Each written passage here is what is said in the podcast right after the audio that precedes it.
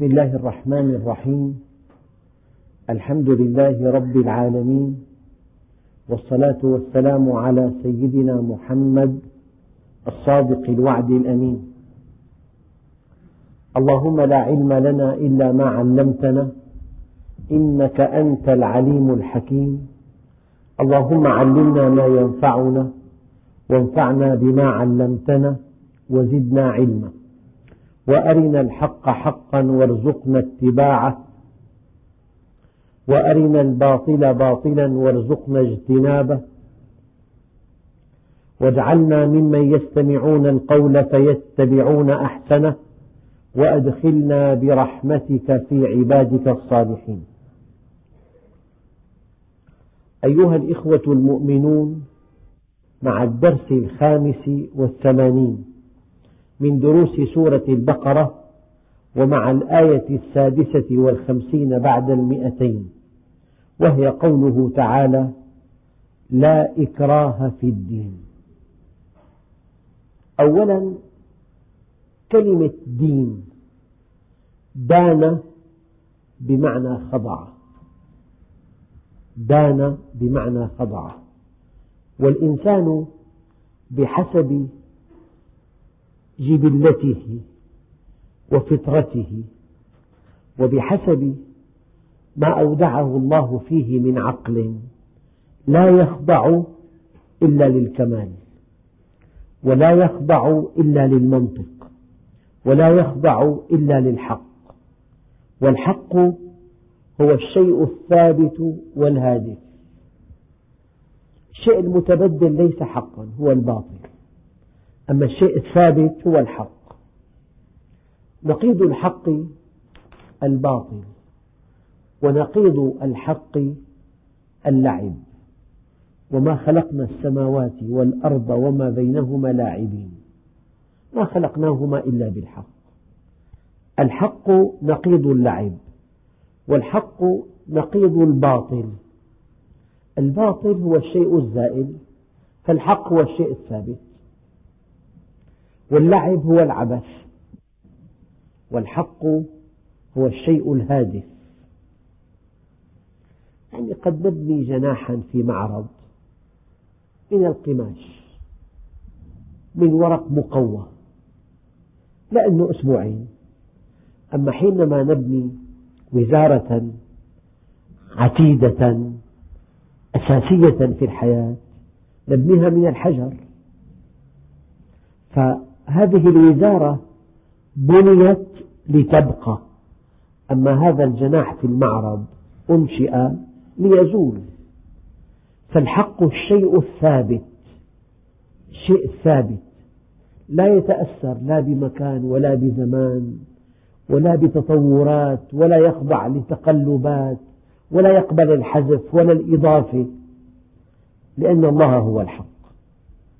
حق الشيء استقر فأنت مع الحق أنت مع الشيء الثابت الذي لا يتأثر.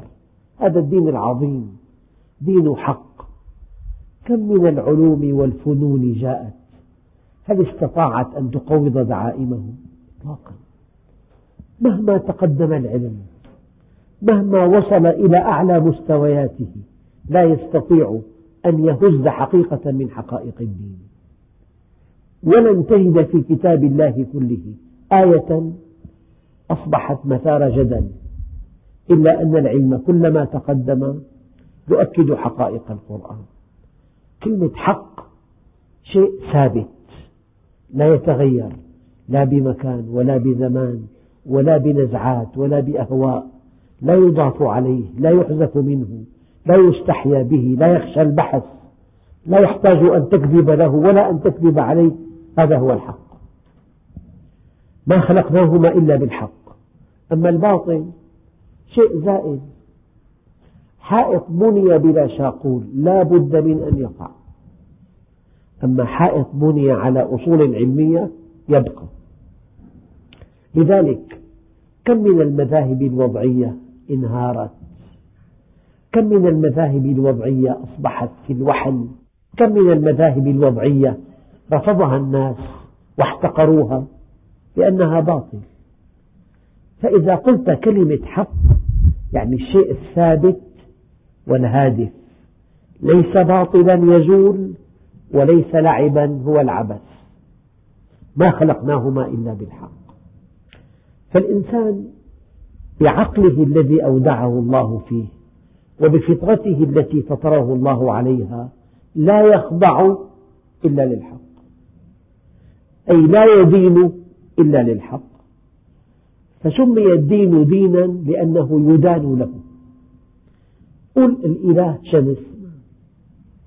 فإذا أفلت من يرعاني عند أفولها؟ قل الإله نار.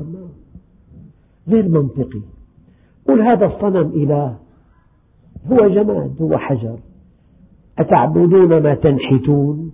والله خلقكم وما تعملون. قل الإله هي البقرة كما في الهند. هي البقرة مخلوقة.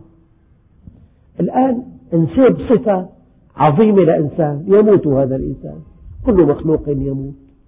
فأي ألوهية ليست ليس الله هو الإله النفس لا تخضع له ولا تقبله وتعافه وتمجه النفوس. فسمي الدين دينا لأن النفوس ذوات الفطر السليمة والعقول النيرة تخضع له. سيدنا خالد حينما أسلم وقد أسلم متأخرا جدا وعاش في الإسلام سبع سنوات خاض زهاء مئة معركة. مئة معركة في سبع سنوات خاضها حينما أسلم قال له النبي عليه الصلاة والسلام عجبت لك يا خالد أرى لك فكرا. فلماذا يكون الإكراه في الدين؟ الدين واضح الدين جلي. كل شيء في الكون تدل على الله وكل شيء في الكون يدل على أن هذا الدين حق. لذلك هذا الدين كلما حاولت أن تحاربه يزداد قوة. كلما حاولت أن تقمعه يزداد ثبوتا. كهذا الذي يريد أن يطفئ النار بالزيت. كلما صب على النار الزيت ازدادت تألقا ولمعانا هي كلمة الدين. الشيء الذي تخضع له. أما مذهب وضعي لا تخضع له. يعتمد على التمييز. جاء الألمان بنظرية. العرق المتفوق. وما سوى الألمان يعني شعوب من سقط المتاع نظرية غير معقولة. ما من نظرية جاءت إلا وسقطت في الوحل لأنها ليست حقا والناس لم يدينوا لها. وكم من نظريات لا تعد ولا تحصى كلها سوف تنتهي إلى الزوال لأنها باطلة. أما حينما تقول لهذا الكون إله عظيم ولهذا الإله منهج قويم وهذا المنهج مبني على مصالح الخلق. شيء مقنع. وأن الناس سواسية كأسنان المشط. وأنه لا فضل لعربي على أعجمي إلا بالتقوى.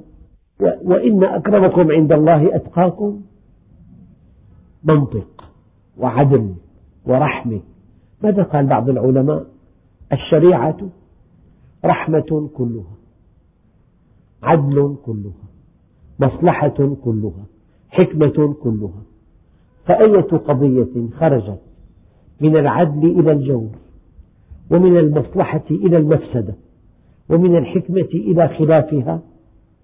فليست من الشريعة ولو أدخلت عليها بألف تأويل وتأويل. الدين الذي تخضع له يخضع له عقلك وتخضع له فطرتك الدين المنهج الذي ترتاح نفسك له يطمئن قلبك له.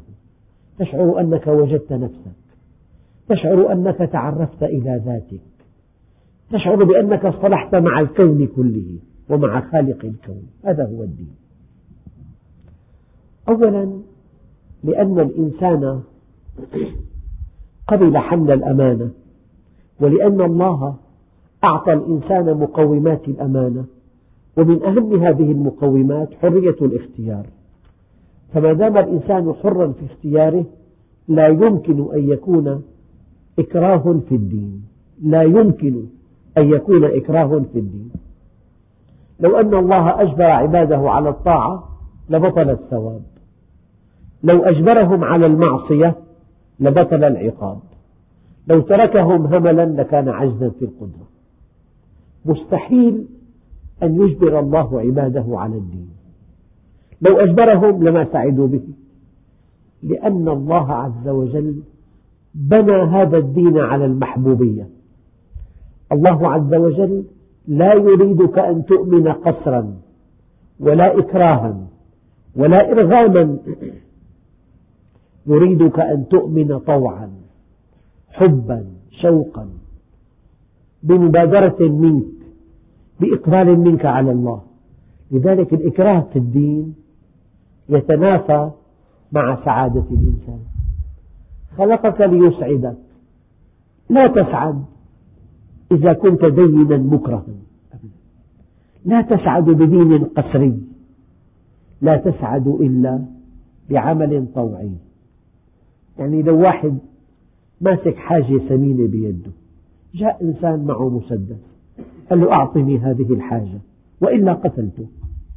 أعطاه إياها. هذا الذي أعطى هذه الحاجة هل يشعر أنه قدم هدية؟ أنه عمل صالحا؟ مقهور. يمتلئ غيظا. أما لو جئت إلى إنسان وقدمت له هدية كلما التقيت به يتألق وجهك لأنك فعلت معه معروفا. فحينما تجبر على العمل سقطت قيمة العمل. سقطت قيمة العمل. وحينما تفعل هذا العمل اختيارا وطواعية عظمت قيمة العمل. فالاختيار يثمن العمل يثمنه. يعني الإكراه في الدين يلغي الدين. الإكراه في الدين يلغي ثمار الدين. الإكراه في الدين يلغي السعادة النابعة من الدين. لذلك شاءت حكمة الله أن يكون هذا الدين في بداياته ضعيفا. ماذا يفعل النبي؟ ليس عنده دنيا يغري بها وليس عنده قوة يخيف بها. ومع ذلك يؤمن به أصحاب النبي إيمانا طوعيا عن رغبة وعن حب. هذا الإيمان صحيح ورائع لأنه جاء بمبادرة شخصية وجاء باختيار طيب. لا إكراه في الدين. يعني هي لا نافية للجنس. لو واحد قال لك هل عندك رغيف خبز؟ إذا قلت ليس عندي رغيف خبز. لو أردت أن تناقشه قد يكون عنده رغيفان. لماذا نفى؟ ليس عندي رغيف خبز. نفى الرغيف الواحد. أما إذا قال لك لا رغيف عندي قال هذه نافية للجنس لا تنفي الرغيف تنفي جنس الخبز. تنفي القمح تنفي مشتقات القمح. من أبلغ النفي النفي نفي الجنس. يعني مثلا في عندنا لا تعمل عمل ليس.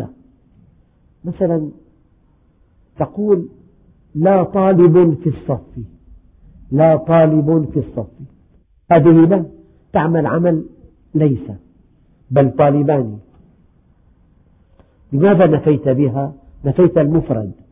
أما إذا قلت لا طالب في الصف بل طالبة نفيت جنس الذكور. كلمة لا طالب في الصف نفيت, نفيت المفرد. أما لا طالب في الصف نفيت جنس الذكور. لا تنس أن كلمة التوحيد لا إله إلا الله. أبلغ أنواع النفي نفي الجنس.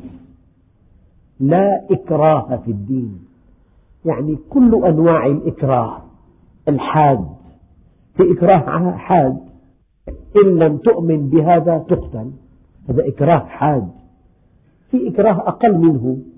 يعني إن لم تؤمن ليس لك ولا ميزة مثلا. هناك أنواع منوعة من الإكراهات. كل أنواع الإكراهات القاسية والحادة والمخففة والمباشرة وغير المباشرة والصريحة وغير الصريحة والمعلنة والمبطنة غير موجودة. لا إكراه في الدين. الله جل جلاله يريدك أن تأتي إليه طائعا. يريدك أن تأتيه محبا. يريدك أن تأتيه مختارا. يريد أن تأتيه مشتاقا. فلو أجبرك على الطاعة لبطل الثواب. لو أجبرك على المعصية لبطل العقاب. لا إكراه في الدين. طيب ما هو الدين؟ قال قد تبين الرشد من الغي. الدين هو الرشد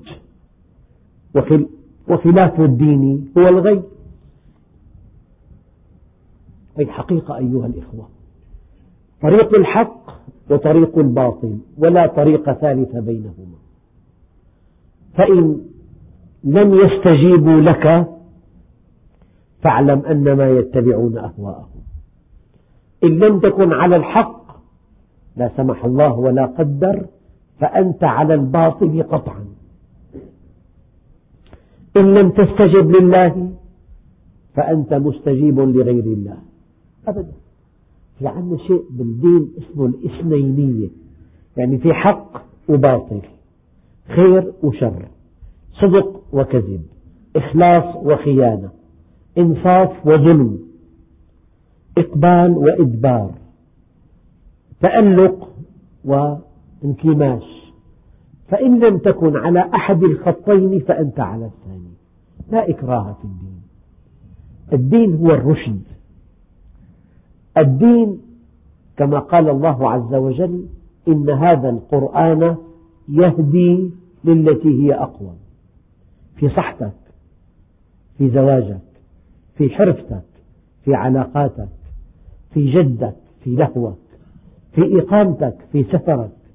حياة المسلم رائعة منضبطة وفق منظومة قيم وفق سلسلة مبادئ لا إكراه في الدين.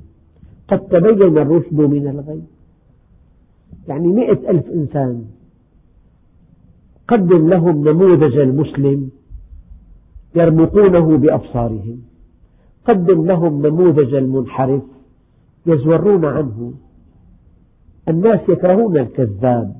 يكرهون المنافق يكرهون الدجال يكرهون المؤذي يكرهون المغتاب يكرهون النمام يكرهون المتغطرس المتعالي. يحبون المتواضع الرحيم المنصف الصادق الأمين العفيف. قد تبين الرشد من الغي. والدين هو الرشد. يعني في معنى آخر. إذا قدم لإنسان فرضا وهو جائع جدا طعام طيب جدا ونفيس جدا. وقدم له صحن آخر فيه لحم متفسخ تفوح رائحته النتنة في حاجة في حاجة أن تكره هذا الإنسان على أكل الطعام الطيب؟ بفطرته يتجه إليه. ضع صحن طعام طيب وطعام خبيث. وقل له أنا لن أكرهك على أن تأكل الطعام الطيب. طبعا سيأكله وسيشكرك عليه وسيذوب محبة له. في معنى آخر يعني فضلا عن أن الله لا يقبل مؤمنا مقهورا ولا مؤمنا مكرها ولا صلاة فيها ضغط وإكراه. بالمقابل دين الله بتألقه ومنطقيته وكماله وكيف أنه قدم تفسيرا رائعا للكون وكيف أن فيه قيما والله من ألد أعداء المسلمين. في احتفال قال في بلد غربي بعيد جدا قال إن القيم التي نؤمن بها هي نفس القيم التي جاء بها الإسلام. هكذا قال. الإسلام دين عظيم. لا إكراه في الدين. قد تبين الرشد من الغي. الغي الانحراف. الغي الطغيان. الغي الظلم. الرشد أن تنسجم مع فطرتك وأن تنسجم مع الحق وأن تنسجم مع علة وجودك وغاية وجودك. هذا هو الرشد. طالب بالمدرسة. ما هو الرشد أن يدرس؟ ما هو الغي أن لا يدرس؟ يذهب إلى دور له هذا هو الغي. أن يقبع وراء كتابه هذا هو الرشد. طيب تاجر ما هو الرشد له؟ أن يربح. الغي أن يكذب على الناس وأن يظلمهم. بكل حقل في رشد وفي غي. لا إكراه في الدين قد تبين الرشد من الغي. فمن يكفر بالطاغوت؟ الطاغوت صيغة مبالغة. كأن تقول جبروت كأن تقول رحموت كأن تقول طاغوت. يعني طاغي. من يكفر بهؤلاء الذين يطغون؟ يعني الطاغي قوي. المؤمن كفر بالطاغوت وآمن بالله. كفر بالطاغوت وآمن بالله. فمن يكفر بالطاغوت يعني يكفر بالكفر يكفر بالذي يستخدم قوته لإمتاع شهواته. كالذي يقهر الناس فمن يكفر بالطاغوت ويؤمن بالله فقد استمسك بالعروة الوثقى لا انفصام لها.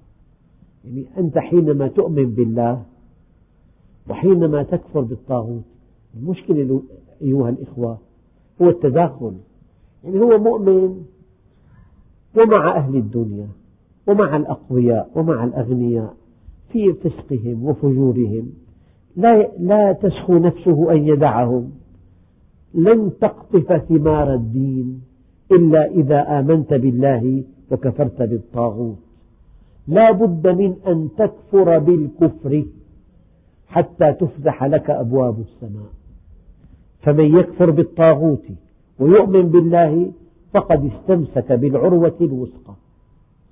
ما دمت تعقد الأمل على طواغيت الأرض الفساق والفجار والذين جاءوا بمذاهب وضعية والذين أرادوا الدنيا وغفلوا عن الآخرة الذين أرادوا الشهوة وغفلوا عن القيم الذين أرادوا المال وغفلوا عن الأخلاق. هؤلاء كلهم طواغيت. قد يكون إنسان محاط بطواغيت يقول لك إلي جار مادي إلي عم لا بيحلل ولا بيحرم كل إنسان طغى وبغى ونسي المبتدأ والمنتهى هو طاغوت. ما دمت متعلقا بأهل الكفر. وقد يكونون أقوياء وقد يكونون أغنياء. تعقد الأمل عليهم ترجو عطاءهم ترجو ودهم تحذر من غضبهم تحسب لهم ألف حساب ما دمت مؤمنا بهم متعلقا بهم تعلق عليهم الآمال ترجو الخير منهم فالطريق إلى الله غير سالك. فمن يكفر بالطاغوت ويؤمن بالله. حتى في تاريخنا القديم والحديث ما دمنا متعلقين بالأقوياء ونظن أن اتصالنا بهم رحمة لنا وأن تقليدهم رقي وأن إرضاءهم ذكاء وأن التعلق بوعودهم أمل. هؤلاء لا يعطوننا شيئا إلا أنهم يستغلوننا. وتجربتنا مع العالم الغربي من خمسين سنة ماضية ماذا أخذنا منهم؟ لم نأخذ شيئا. أخذوا منا كل شيء ولم يعطونا شيئا. فمن يكفر بالطاغوت يعني كل جهة طغت وبغت واستكبرت واستغلت وقهرت وأرادت الدنيا وكفرت بالآخرة أرادت العلمانية وكفرت بالدين. كل قوة جبارة عاتية طاغية ينبغي أن تنفض يديك منها. أما إذا كنت متعلقا بها راغبا بما عندها ترجو رضاها تخشى غضبها تعلق الآمال على رضاها فالطريق إلى الله ليس سالكا. فمن يكفر بالطاغوت ويؤمن بالله فقد استمسك بالعروة الوثقى. يجب أن تؤمن به خلاقا وأن تؤمن به فعالا وأن تؤمن به متصرفا وأن تؤمن به إلها في السماء وإلها في الأرض وأن تؤمن أن الأمر كله بيده وأنه إذا شاء شيئا فعل وقع. وإذا أراد الله بقوم سوءا فلا مرد له وأن كل شيء بيده بيده مقاليد السماوات والأرض. هذا الإيمان. يجب أن تكفر بالطاغوت وأن تؤمن بالله. كم مسلم بالعالم يرتكب المعاصي والآثام تقربا إلى أهل الدنيا تقربا إلى أهل الباطل تقربا إلى الطواغيت.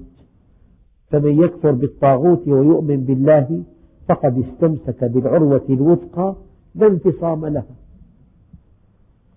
العروة هذه التي تمسكها تتعلق بها ترجو أن تبقى متصلة. فأنت حينما تتمسك بالشريعة وتتصل بالله عز وجل ليس في الكون كله جهة تستطيع أن تقطعك عن الله. ما يفتح الله للناس من رحمة فلا ممسك لها وما يمسك فلا مرسل له من بعده. فمن يكفر بالطاغوت ويؤمن بالله فقد استمسك بالعروة الوثقى. يعني إذا تمسكت بالقرآن والسنة وعضدت عليهما النواجذ. أنت متمسك بعروة وثقى يعني سمعت أن بعض الشاحنات لها عروة في نهايتها من أجل أن تجر مقطورة قال هذه العروة لها اختصاص نادر مصنعة من أدق أنواع الفولاذ المطرق. لأنه المقطورة عشرين طن. لو أن هذه العروة تفلتت صار حادث مخيف. فهذه العروة التي توضع في نهاية الشاحنات لها صناعة متميزة جدا ومن أمتن أنواع المعادن الفولاذ المطرق يعني معالج بالطرق لا بالصب ولا بالسحب. فهي عروة وثقى فربنا عز وجل قال أنت إذا كفرت بالطاغوت أي طاغوت؟ كل جهة تنكر, تنكر وجود الله عز وجل وتؤثر الدنيا وتطغى وتبغي. فمن يكفر بالطاغوت ويؤمن بالله فقد استمسك بالعروة الوثقى. إن آمنت بالله آمنت بكتابه. إن آمنت بالله صدقته.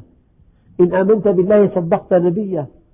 إن آمنت بالله تقرأ الحديث الشريف وكأنه من عند الله عز وجل.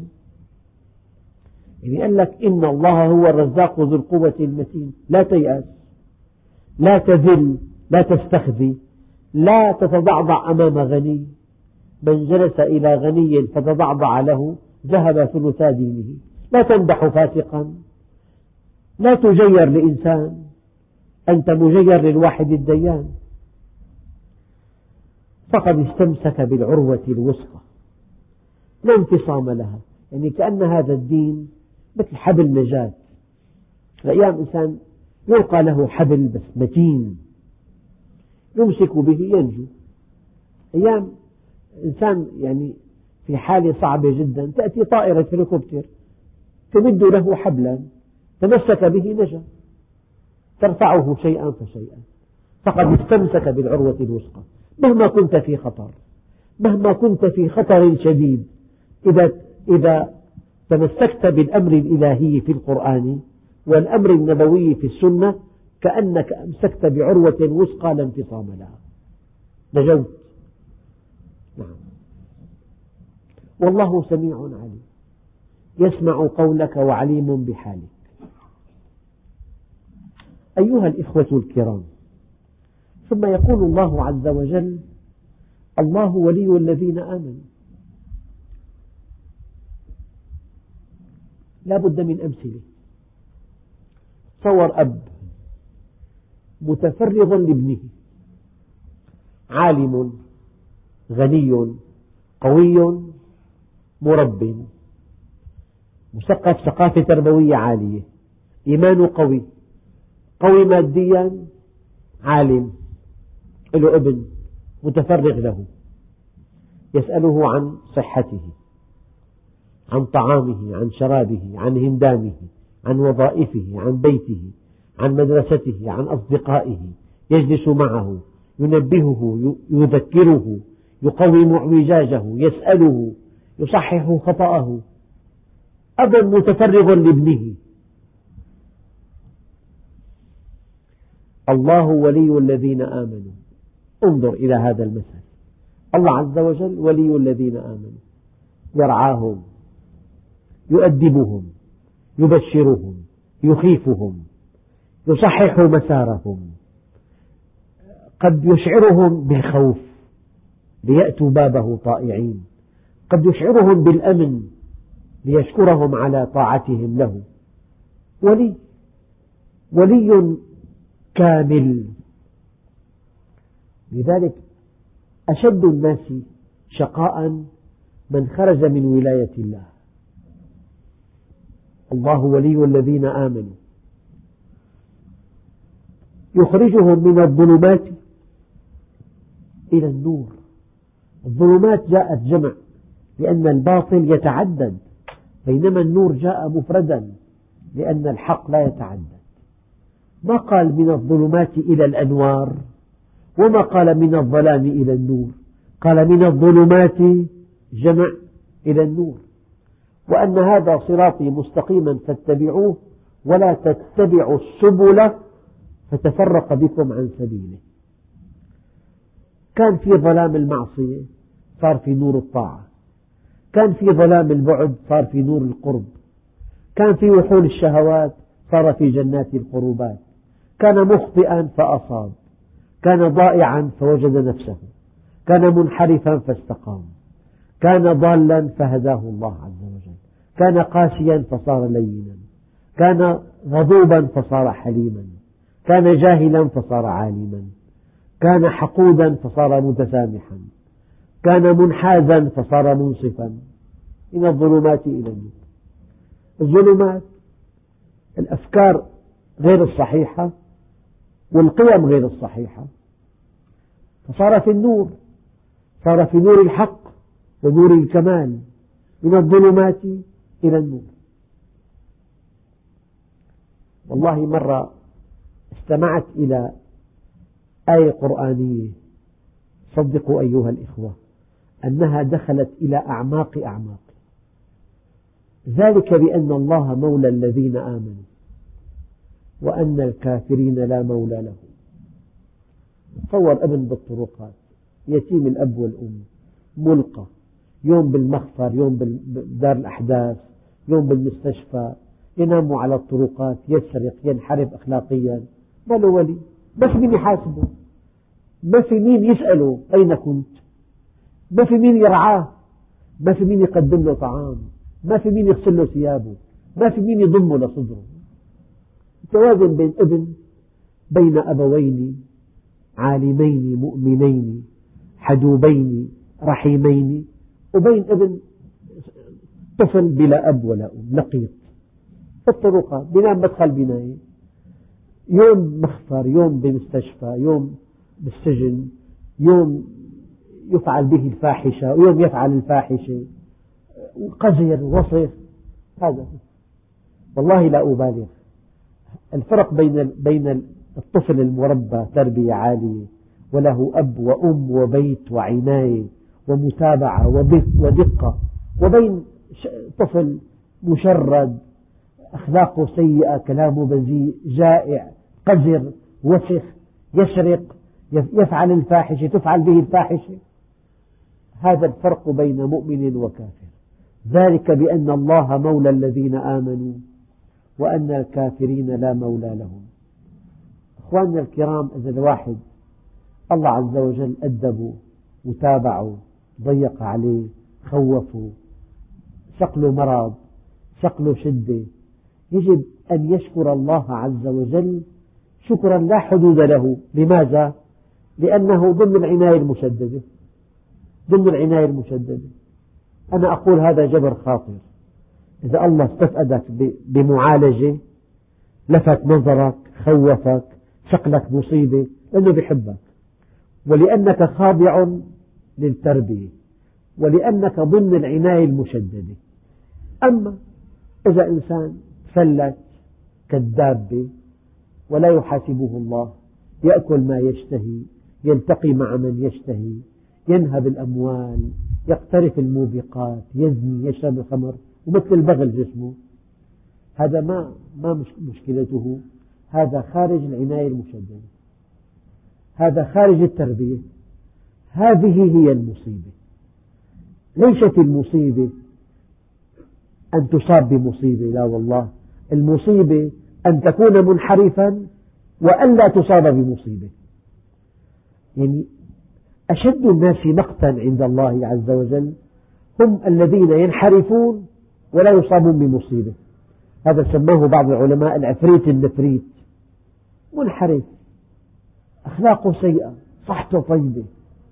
يعني دائما متمكن. أما إنسان المؤمن معالج يؤدب. أوحى ربك إلى الدنيا أن تشددي وتمرري وتكدري وتضيقي على أوليائي حتى يحبوا لقائي.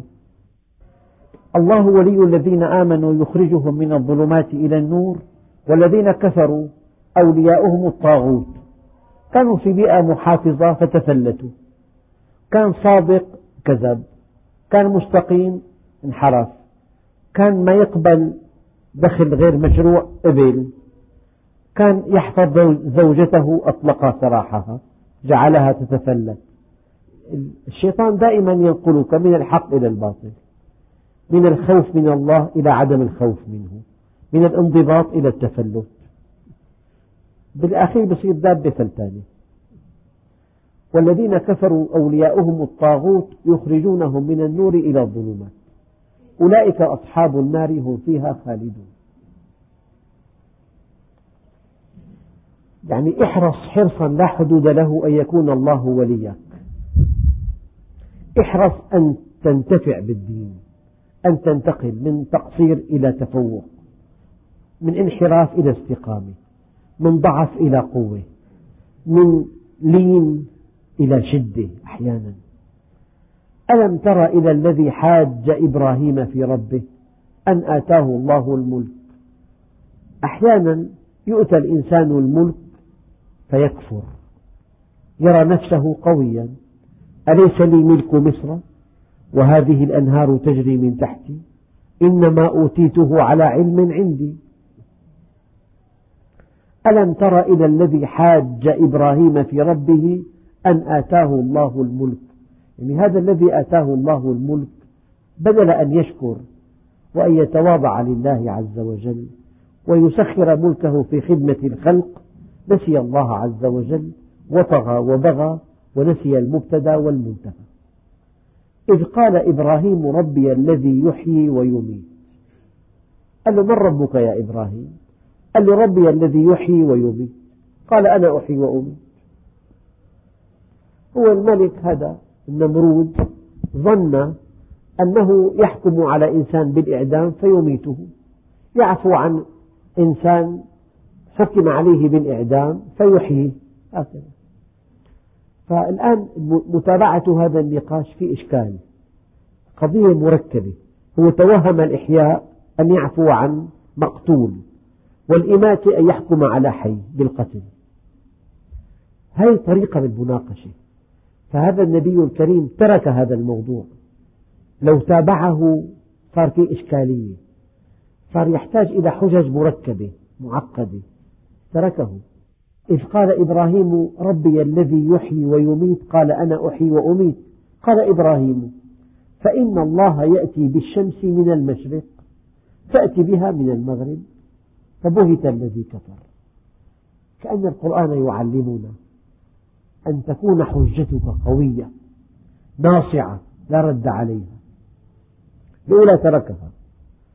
صار في إشكال صار في توهم صار في تأويل. أول الإحياء بالعفو وأول الموت بالقتل. إبراهيم عليه السلام يقصد شيء آخر. يخلق الحياة ويميت يخلق الموت من دون قتل. إذ قال إبراهيم ربي الذي يحيي ويميت. توهم النمرود أنه هو يحيي ويميت. توهم الإحياء والموت تأولا. لذلك المحاورة بين متأولين لا تنتهي إلى يوم القيامة.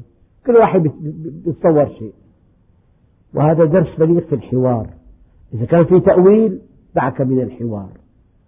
قال له فإن الله يأتي بالشمس من المشرق فأتي بها من المغرب. فبهت الذي كفر والله لا يهدي القوم الظالمين. أيها الإخوة يعني أدق آيتين في هذا الدرس. هي الله ولي الذين آمنوا يخرجهم من الظلمات إلى النور والذين كفروا أولياؤهم الطاغوت يخرجونهم من النور إلى الظلمات. ولا إكراه في الدين لأن الدين أساسه الاختيار. أساسه المحبوبية. ثم إن الدين ناصع جلي كالشمس المشرقة. فلا يحتاج إلى إكراه. يعني أنت جائع والطعام طيب طعام نفيس جدا. ما في داعي. ترفع سلاح تقول كل هو سيأكل. هذا المعنى الثاني. لأن الدين هو الحق ولأن الدين هو الصدق ولأن الدين هو الرحمة. والعدل والمصلحة والفوز لا إكراه في الدين. أو لا يمكن أن تسعد بدين فيه إكراه. أيها الإخوة نتابع هذه الآيات في درس قادم إن شاء الله. والحمد لله رب العالمين.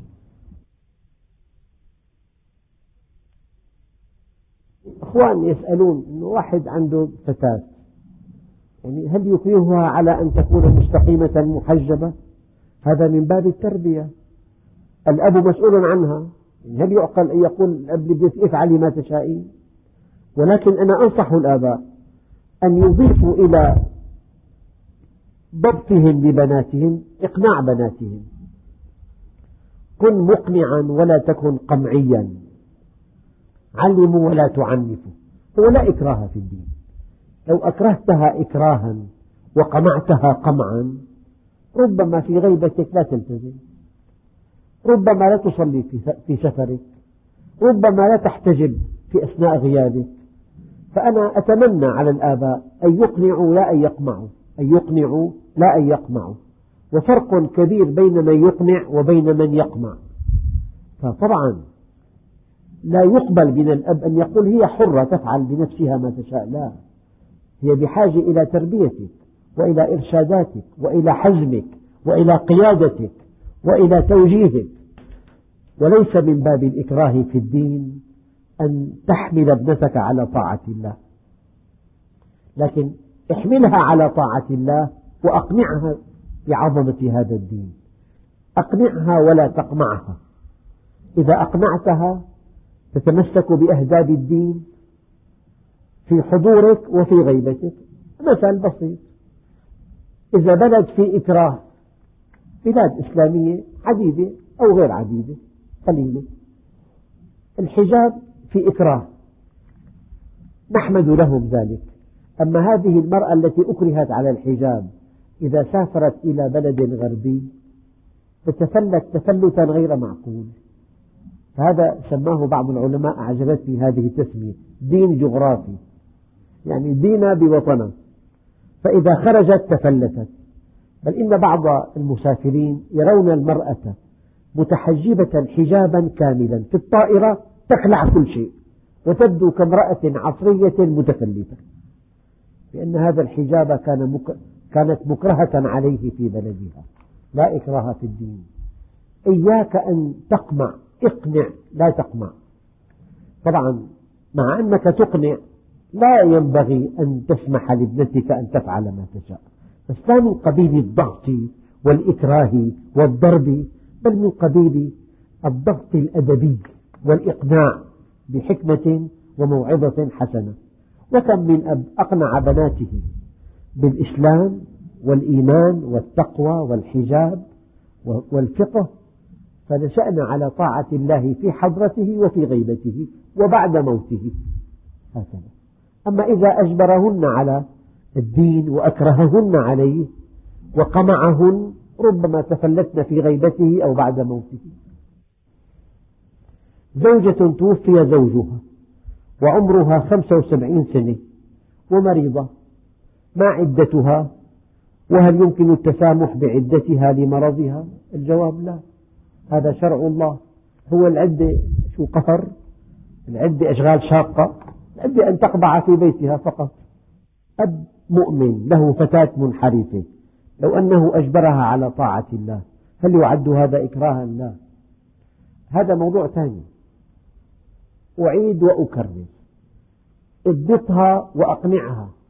يعني اجعل الضبط مع الإقناع. لا تضبطها من دون إقناع. اضبطها وأقنعها.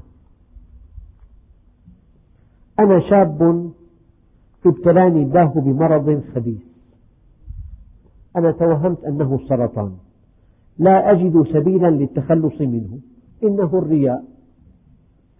فكلما أردت مثلا حفظ شيء من القرآن الكريم أجد نفسي توسوس لي وتقول إن هذا الحفظ من أجل أن يشار لك بالبنان أو كي أجادل به أحد الفساق لذلك لا أحفظ شيئا إخلاصا لله عز وجل شايفين؟ لا يحفظ القرآن ولا يطيع الواحد الديان إخلاصا لله. وقعت في مصيدة الشيطان. ولا أبالغ وقعت في مصيدة الشيطان. ترك العمل خوف الرياء شرك. شرك. ترك العمل الصالح. خوف الرياء شرك. وفعله من أجل الناس رياء. احفظوا هذه القاعدة. ترك العمل الصالح. خوفا خوف الرياء عين الشرك. وفعل الشيء العمل الصالح. إرضاء للناس رياء. والمؤمن لا يشرك ولا يرائي. أما أن تمتنع عن فعل الخيرات وحفظ كتاب الله. أنا بدي أجي على الدرس بس خايف أجي يقوم يقول لي أنت مرائي. لا حتم بالبيت قاعد. والله على قد المصيدة وقعت في مصيدة الشيطان. أحد علماء له كتاب رائع اسمه مصائد الشيطان. مصيدة. افعل العمل الصالح ولا تعبأ. والحمد لله رب العالمين.